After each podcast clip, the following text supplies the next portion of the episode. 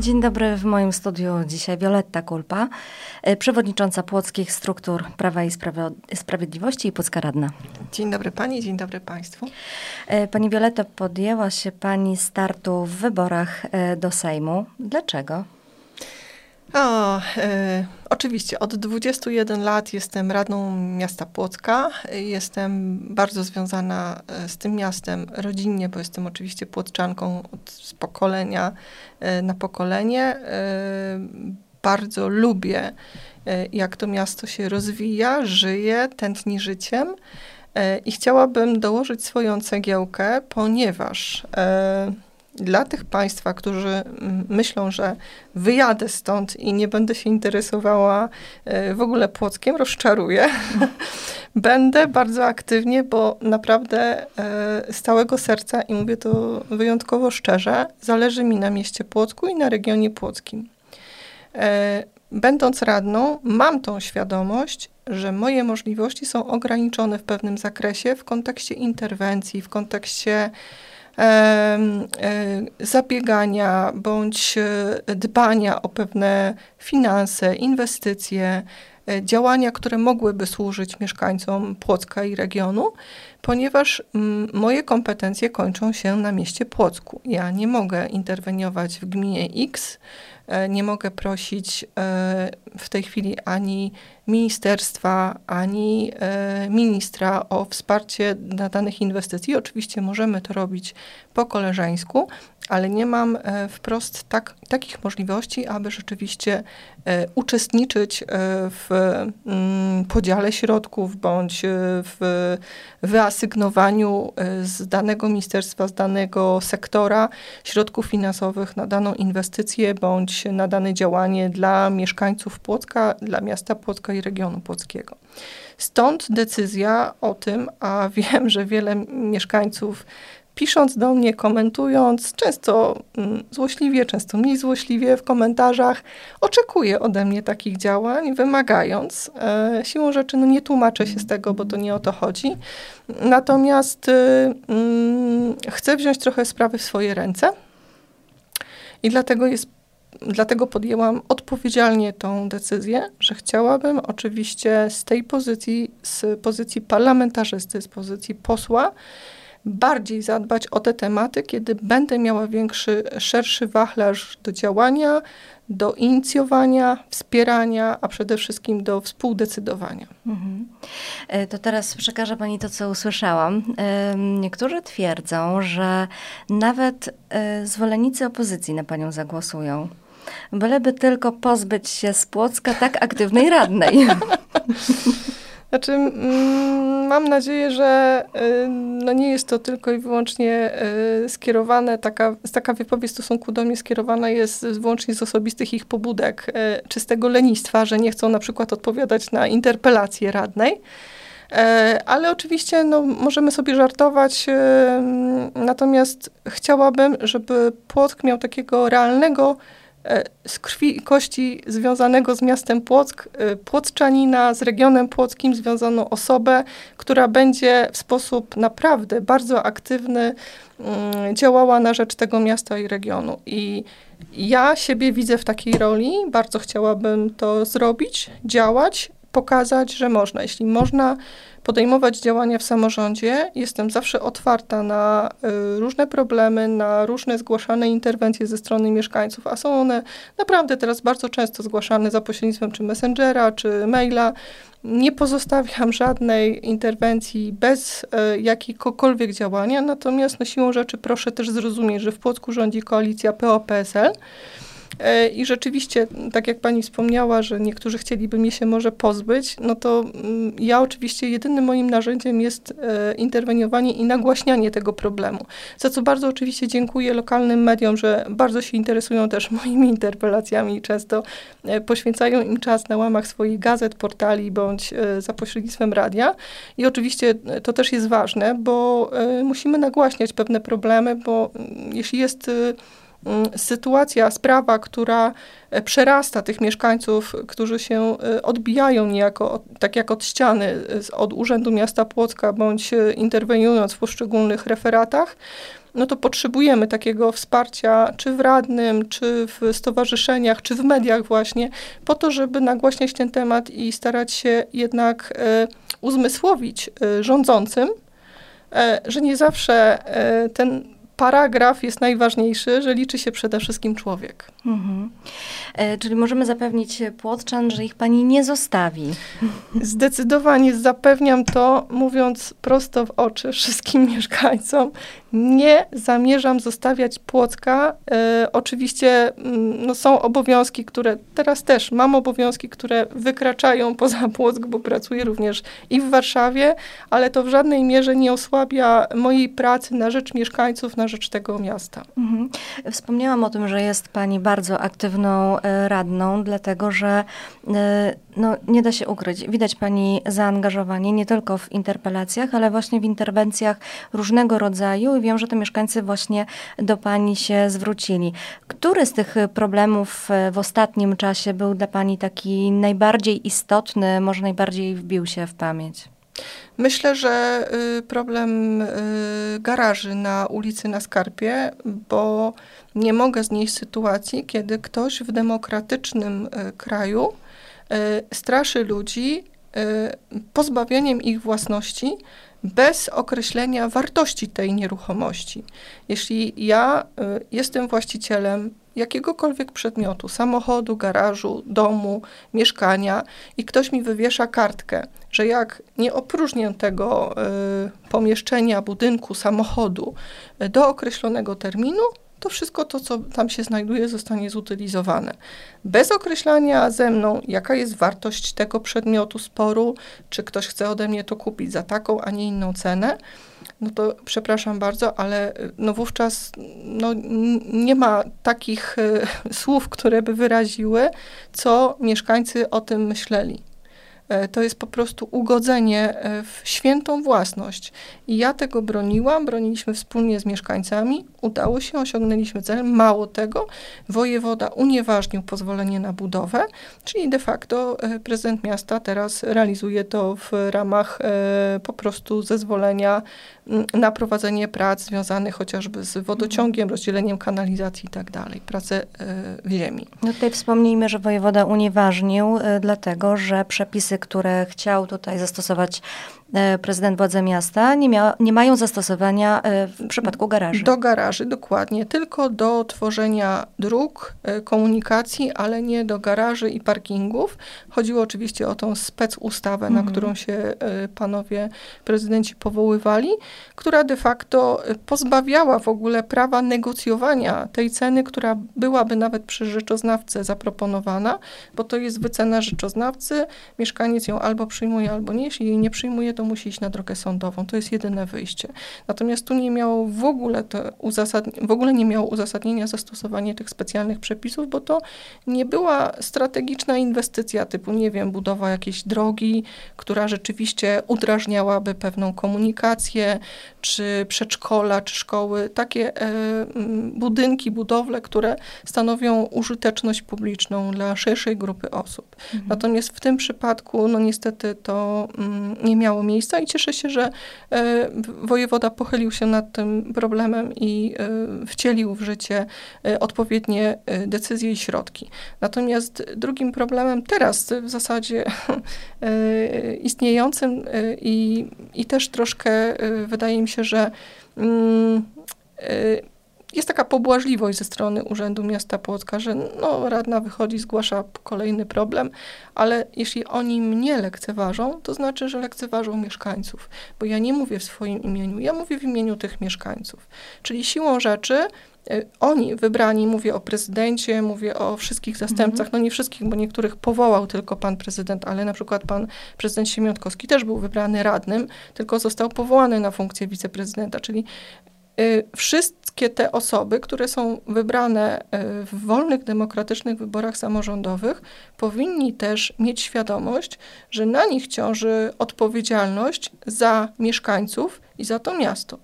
I jeśli grupa osób zgłasza pewien problem, to nie powinni tego lekceważyć, dlatego że zgłasza to nie ta radna koalicyjna, która jest właściwa, mhm. tylko radna opozycyjna, to nie ma znaczenia. Samorząd to nie polityka. Samorząd to jest wspólnota, którą tworzą mieszkańcy, a tylko udało się tym osobom akurat zdobyć większość w głosowaniu, bo tak wynikało z wyborów i dzierżą tą władzę w tym danym momencie, ale ona jest dana z woli ludu. Czyli no powinni... tak, mówiliśmy, prezydentem się bywa, człowiekiem dokładnie, się jest. Mhm. Dokładnie. Stąd problem wynikający teraz y, y, z, z, budynkiem y, pomiędzy, właściwie działka pomiędzy Jana Pawła 70, Jana Pawła II, numer 74 i Jana Pawła 76, była taka wąska działka, na której zawsze była zieleń. Tam y, nie wiem z jakiego powodu, w jakim czasie, kiedy, czekam na odpowiedź na interpelację. Pan prezydent wyczekuje do, do ostatniego, ostatniego dnia, 14 dni, dopiero mi udzieli zawsze informacji, więc ja y, te 14 dni mija w dniu jutrzejszym. Mam nadzieję, że tą odpowiedź otrzymam i będę mogła dalej z mieszkańcami rozmawiać. Okazuje się, że deweloper kupił e, tą nieruchomość od spółdzielni Chemik, która notabene dysponowała tym gruntem na podstawie wieczystego użytkowania. Cały czas w księgach wieczystych jest również Urząd Miasta jako ten właściciel pierwotny. I mamy teraz taką sytuację, że pod samymi oknami ten deweloper, który buduje zupełnie nową nieruchomość, pod starym blokiem stojącym tam już od wielu lat, pod samymi oknami buduje im parking. Dla tamtego bloku, nie dla nich. I teraz y, zupełnie, kompletnie y, jakby odstawia się odległości jest to na granicy działki, bo uzasadnienie mam prawdopodobnie takie, za chwilkę dostanę, że deweloper postanowił wybudować ileś miejsc parkingowych dla osób niepełnosprawnych i wówczas te limity w ogóle nie obowiązują.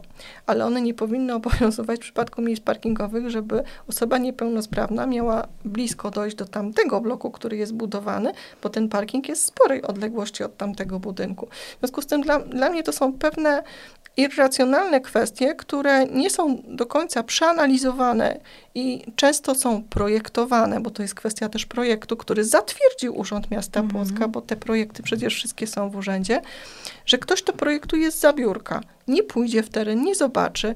Ile razy prosiłam panów prezydentów, pojedźmy tam, zobaczcie jak to wygląda. Nie ma reakcji. E, no tak, mieszkańcy mają na pewno duży problem. Nikt nie chciałby mieć e, samochodów, które e, parkują tuż pod oknami. Wiadomo, że to jest wtedy bardzo nieprzyjemna sprawa. Mamy zresztą tutaj przykład zajezdni autobusowej komunikacji tak, miejskiej, tak, też, też na tym samym osiedlu tak. i zupełnie niedaleko od tych bloków, więc... Tylko pani redaktor, jak buduje się nieruchomość, bo co innego, gdy mamy stan za stanem. Mhm. Zwiększa nam się, oczywiście my wiemy doskonale o tym, szczególnie w zabudowie wielorodzinnej, że brakuje nam tych miejsc parkingowych to jest fakt. Tylko co innego, gdy mamy stare osiedle, które ma 40-50 lat i rzeczywiście e, przed laty, kiedy budowano parkingi, tych samochodów w mieście nie było tak dużo. Teraz mamy najczęściej dwa samochody na jedno domostwo, na jedną rodzinę. Czyli teraz jeśli buduje się nowy blok, to tu trzeba byłoby przewidzieć parkingi podziemne albo przeznaczyć takie tereny pod budowę nowych budynków, które nie jest na zasadzie, że wciśnimy jeszcze jedną nieruchomość, tylko szukajmy większej przestrzeni, zagospodarujmy to odpowiednią przestrzeń na parkingi, na zieleń, na infrastrukturę, na wypoczynek, na place zabaw, a nie to jest na zasadzie takiej, ja, ja mówiłam to na sesji, y, dewelopera mm, jakby nie będę rozgrzeszać, bo on po prostu chce zarobić. Natomiast e, tak na dobrą sprawę to jest wina po stronie Urzędu Miasta Płocka, który zatwierdził taki projekt budowlany i dopuszcza.